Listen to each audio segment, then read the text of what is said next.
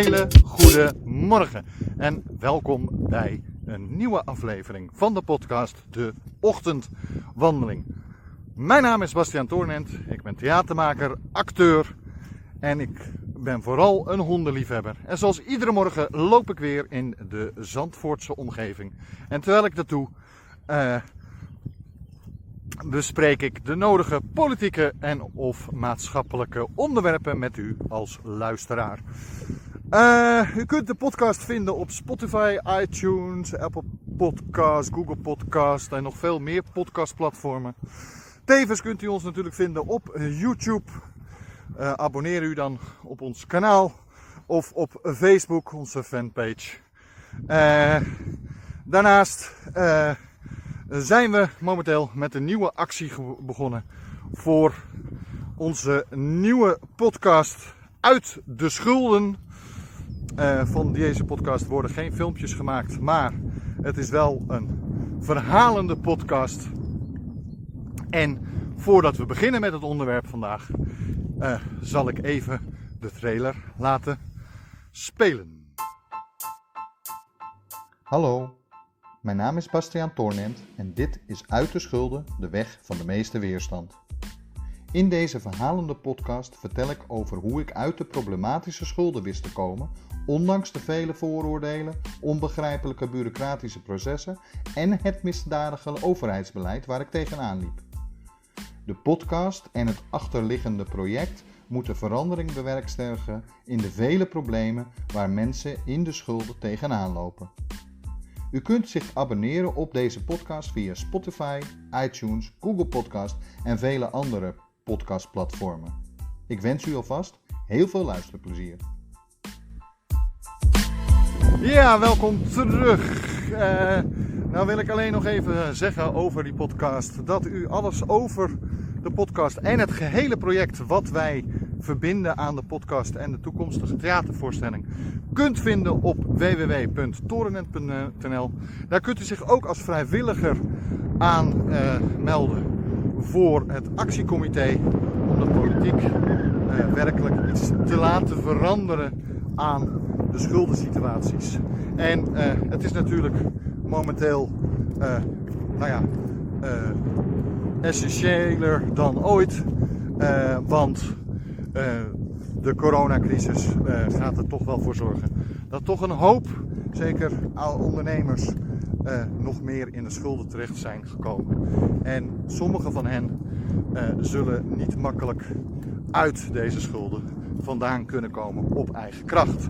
Wij gaan coaching aanbieden, gratis, volledig gratis coaching en psychische hulp.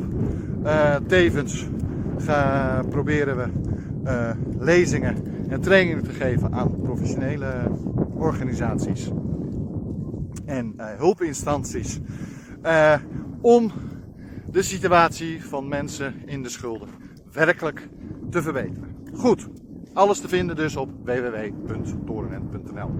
Nou, dat was even genoeg reclame voor de andere podcast.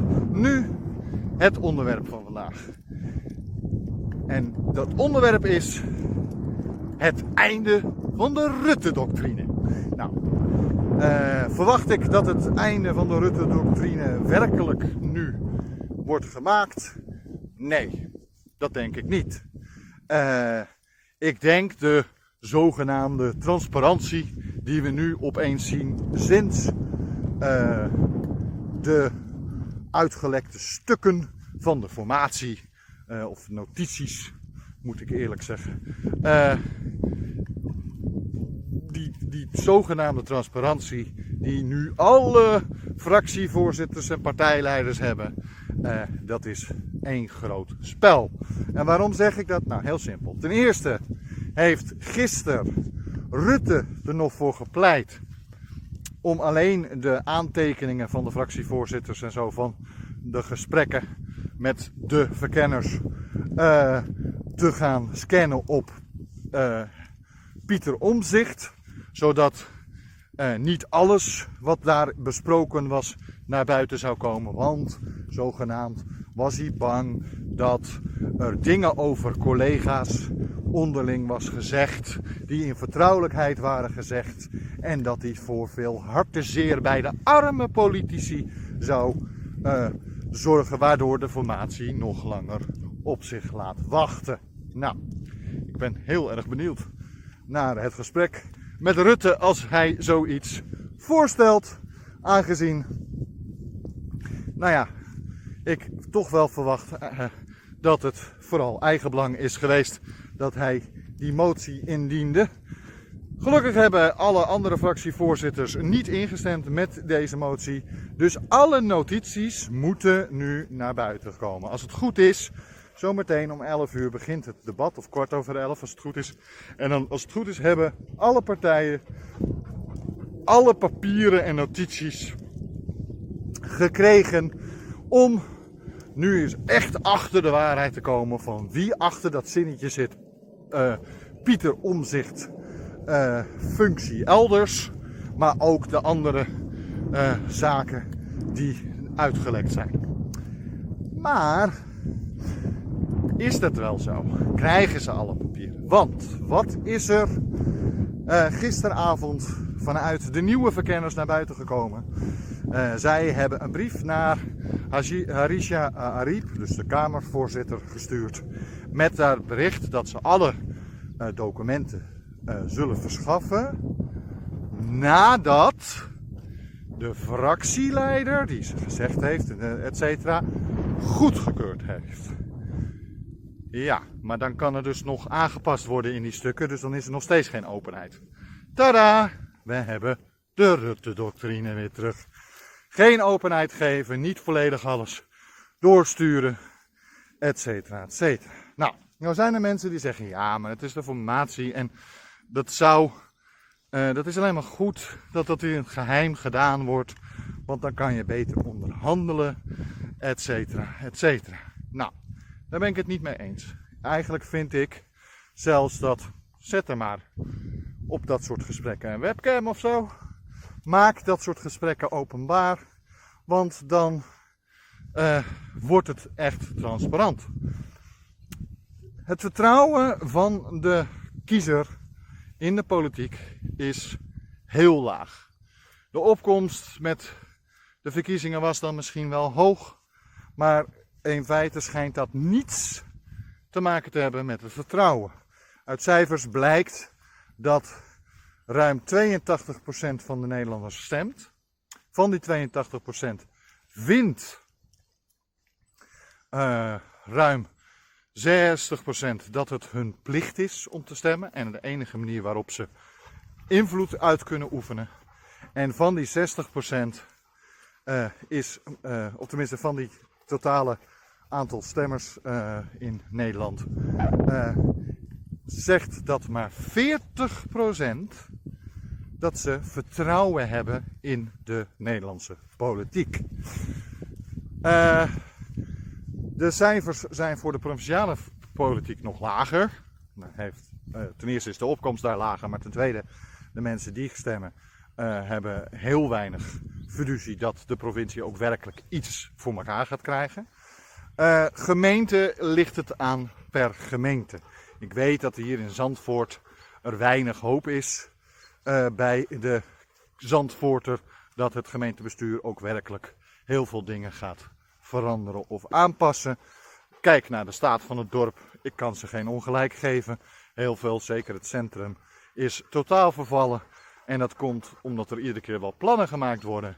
Maar dan is bijvoorbeeld de VVD het er weer niet mee eens dat er tien minder parkeerplaatsjes zijn. Of, heel eerlijk, ook PvdA GroenLinks hebben een keer tegen gestemd. Want er werd te weinig groen, groen op de boulevard gepla uh, geplant. Het was één betonnen bak. Uh, ja, vind ik het fout dat ze tegenstemmen? Misschien niet, sommige argumenten zijn goed. Maar wat ik er slecht aan vind, is dat het vertrouwen dat er ook werkelijk iets gaat gebeuren in dit dorp heel laag is. Nou, dat geldt voor de landelijke politiek momenteel ook. Uh, ruim 40% van de stemmers denkt dus dat er toch niet echt iets gaat veranderen en Den Haag toch gewoon doet wat zij zelf willen. En dat vind ik zorgwekkend. Daarnaast vind ik het zorgwekkend dat je bijvoorbeeld met zo'n issue wat er nu is, krijgt dat, uh, hoe heet het, uh, uh, dan krijg je dat ze niet meteen echt ook weer handelen naar hoe, om het, de vertrouwen in de politiek van de kiezer te herstellen. Nee, ze handelen op een manier waardoor het alleen maar schimmiger wordt. En schimmigheid zorgt niet voor vertrouwen. Schimmigheid zorgt ervoor dat we juist je minder vertrouwen. Des te vreemder vind ik het wel dat als wij Rutte dan zo slecht vertrouwen en met de doctrine, uh, Rutte-doctrine, uh, dat er toch zo'n grote groep Nederlanders is geweest die toch hem als premier heeft uh, uitgekozen. ze hadden ook niet op hem kunnen stemmen. Dat was een betere manier geweest om duidelijk te geven dat je het niet meer vertrouwt. Goed. Uh, uh, heel eerlijk. Uh, ik uh, heb nooit helemaal vertrouwd op de Rutte-consorten. Maar ook niet op het CDA. heel eerlijk, ik denk nog steeds dat zo'n zinnetje best nog wel eens uit een CDA-mond had kunnen komen over zijn eigen partijgenoot Pieter Omzicht. En hij speelt nu de vermoorde onschuld. Uh, ik denk dat hij liever Pieter Omzicht kwijt is dan rijk. Nou ja, met het uitgeluikte stuk kan je één ding zeker zijn: Pieter Omzicht gaat voorlopig nergens heen. Uh, aangezien elke functie die die man aangeboden krijgt, nu lijkt alsof hij weggewerkt moet worden. Goed, uh, einde van de Rutte-doctrine. Ik denk dat het einde van de Rutte-doctrine alleen gebeurt als Rutte ook echt weg is. Uh, maar zelfs dan is het de vraag, aangezien de Rutte-doctrine nogal succesvol is. Niet volledig informeren van de Kamer. Uh, door middel van niet alle gesprekken helemaal verslagen van te maken. Ja, ik vind dat zelf uh, stuitend. Want daarmee valt de volledige controle van de Tweede Kamer op de regering valt daarmee weg. Ja, een regering kan minder makkelijk weggestemd worden, want dingen komen minder snel aan het licht. Maar als, uh, zeker als uh, premier maar ook als kabinet zou je toch moeten willen dat je zo transparant mogelijk bent over de zaken die je doet. Dat je misschien soms wat geheimhouding hebt terwijl nog iets speelt. Bijvoorbeeld als een besluit nog genomen moet worden. Die snap ik.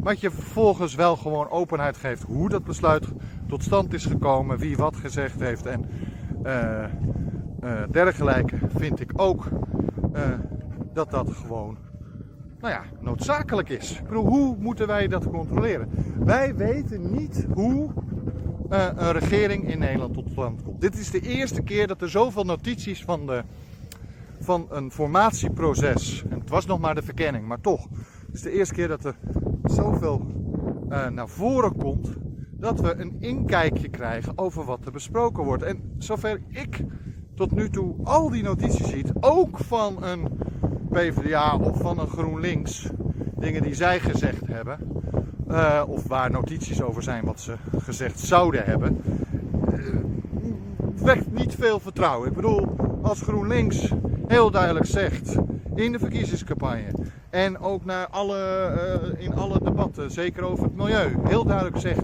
dat de veestapel minimaal moet gehalveerd worden. En vervolgens is dat het punt wat ze het meest in gaan ruilen, vind ik dat best stuitend. Het was notabene een verkiezings... Uh, uh, hoe heet het? Nou ja, een punt in de verkiezingen voor GroenLinks. Geldt ook voor de PvdA die eerst heel hard roept dat ze ze links vast willen houden en samen alleen in een regering gaan zitten zonder een andere linkse partij gaat PvdA niet in een kabinet zetten. Dat heeft ze continu geroepen. En dan blijkt uit die notitie dat dat helemaal niet zo is. Dat ze dat niet helemaal, helemaal niet zo stellig bedoelt. Uh, En dan heeft de politiek nog steeds het idee dat, dat het raar is dat de kiezer de politiek niet meer vertrouwt. Dat er gedacht wordt dat het alleen maar zakkenvullers zijn en alleen maar, uh, alleen maar dingen doen die ze zelf willen. Uh, sorry, dat heb je toch echt aan jezelf te danken. Wees gewoon transparant. Ik ben voor volledige transparantie. Ik begin ook steeds meer te denken aan een heel ander systeem. En dat is niet het systeem van meerderheidsregeringen, maar juist van minderheidsregeringen. Uh, dat je bepaalde dingen wel af wilt spreken van tevoren, die snap ik. Maar, en dat je niet als één partij uh, een regering wil vormen, die begrijp ik ook.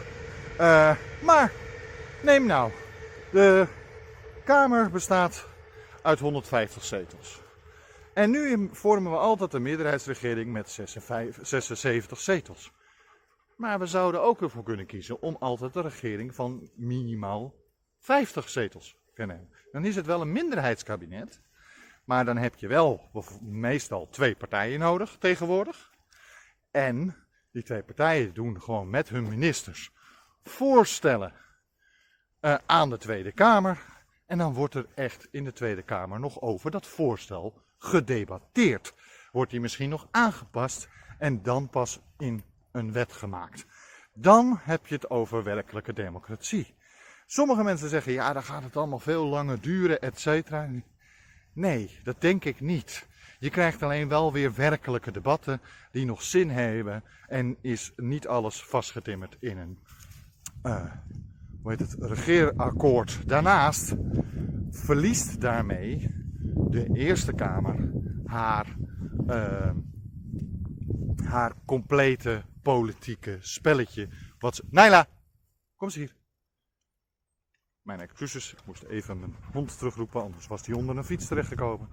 Um, hij verliest daarmee haar volledige politieke spelletje. Uh, want daar is de Eerste Kamer niet voor. Uh, kijk, ik ben niet een volledige voorstander van de Eerste Kamer, aangezien de Eerste Kamer nog steeds in mijn ogen uh, te politiek is en te weinig de wet controleert. Bovendien wordt de wet op haalbaarheid en zo ook door de Raad van State nog eens gecontroleerd. Uh, maar goed, als zou je de Eerste Kamer gewoon volledig houden of in de huidige setting houden, dan is met een minderheidskabinet, uh, hoe heet het, uh, is het niet per se dat de Eerste Kamer politieker wordt. Nee, want die discussie wordt al uitgebreid gewoon gevoerd in de Tweede Kamer, waar die hoort, zonder dat daar al een regeerakkoord op afgesloten is. Wat de Eerste Kamer dan weer kan doen, is de wet controleren. Niet alleen op haalbaarheid, maar ook op steun van uh, de uh, bevolking en of hij goed in elkaar zit. Want, nou ja, coronawet is de laatste waar we heel duidelijk een misvatting hebben ge gezien.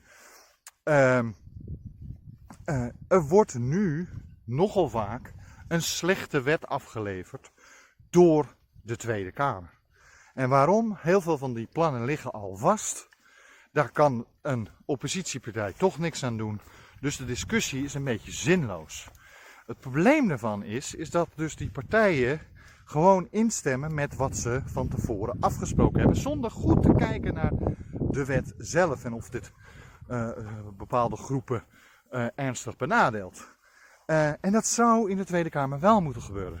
Reken er maar op dat als een regering of een minister een nieuwe wet in wil voeren of een nieuwe regeling wil invoeren en daar een meerderheid voor in de Tweede Kamer nodig heeft, omdat zij dat niet per se meteen hebben bij aanvang al, uh, dan zullen ze extra goed kijken hoe ze zo'n regeling het beste en het breedst uh, aan kunnen bieden aan de Tweede Kamer. Vervolgens krijg je de controle van de Tweede Kamer op uh, of iedereen dat wel wil en hoe het tot stand is gekomen. En dan krijg je als laatste de controle van de Eerste Kamer, die puur en alleen gaat over of de wet juridisch goed is onderbouwd. En dat is de taak. Maar goed, dat is mijn uh, devies. Kijk, we kunnen niet uh, partijen uh, partijen dwingen om geen uh, regeerakkoord af te stemmen die helemaal dichtgetimmerd is. Daar kunnen we helemaal niks aan doen. Maar ik hoop toch dat er iets gaat veranderen in het politieke systeem. Zodat de discussie in de Tweede Kamer weer ergens toe doet. In plaats van dat de helft, of nou ja, uh, drie kwart dus, drie kwart en, uh, en nou ja, drie kwart en één zetel. of de helft en één zetel, dat die eigenlijk niks anders is dan stem V. Want ja, ze hebben het zo afgesproken, dus ze moeten wel ja zeggen. Nou, een goed voorbeeld is Pieter Omzicht, die doet dat niet. Die stemt doorgaans niet meteen in. Zijn ook wel wetten en regels waar hij dat wel heeft gedaan. Maar het gaat er meer om dat dit soort. Er staat een beetje wind, mijn excuses voor de ruis, voor de luisteraars. Uh, uh, het gaat er meer om dat de Tweede Kamerleden meer gaan handelen zoals Pieter Omzicht dat doet en Renske Leijten doet. Ze hebben een controlerende taak en ze zijn helemaal niet verplicht om altijd maar met een regeerakkoord mee te stemmen. Want de regeerakkoord is niet een dwingend document. En als dat, dat wel binnen jouw partij is, dan zou jouw partijtop eens na moeten denken over hoe democratie ook alweer in elkaar zit. Goed, dat zijn mijn gedachten. Ik denk dat de Rutte-doctrine niet beëindigd is met nu deze toestand. Uh, ik zie ook niet gebeuren dat Rutte nu alsnog gaat aftreden of helemaal uh, weggaat als partijleider. Hij is daar te populair voor en heeft te veel uh, stemmen daarvoor gekregen. dus de komende vier jaar, althans, dat is natuurlijk altijd de bedoeling, tot de komende verkiezingen zal de Rutte-doctrine nog steeds nou ja, gehanteerd worden. Denk ik. Het enige wat wij als bevolking kunnen doen is gewoon onze stem roeren en zoveel mogelijk Tweede Kamerleden blijven wijzen op het feit dat ze daar niet zitten om als dom stemvee te zijn, uh, te zijn maar gewoon om de ministers en dus het kabinet te controleren. Nou, dit was het weer voor vandaag. Uh, ik hoop dat u er morgen ook weer bent, want dan ben ik er ook weer. U kunt natuurlijk deze podcast vinden op Spotify, iTunes, Apple Podcasts, Google Podcast. Tevens kunt u natuurlijk alle informatie over deze podcast en andere podcasten vinden op www.torenent.nl. En ik hoop dat u dit filmpje weer liked en veel deelt, want dan kunnen andere mensen uh, ook ons vinden. Nou, en ik zie u morgen weer.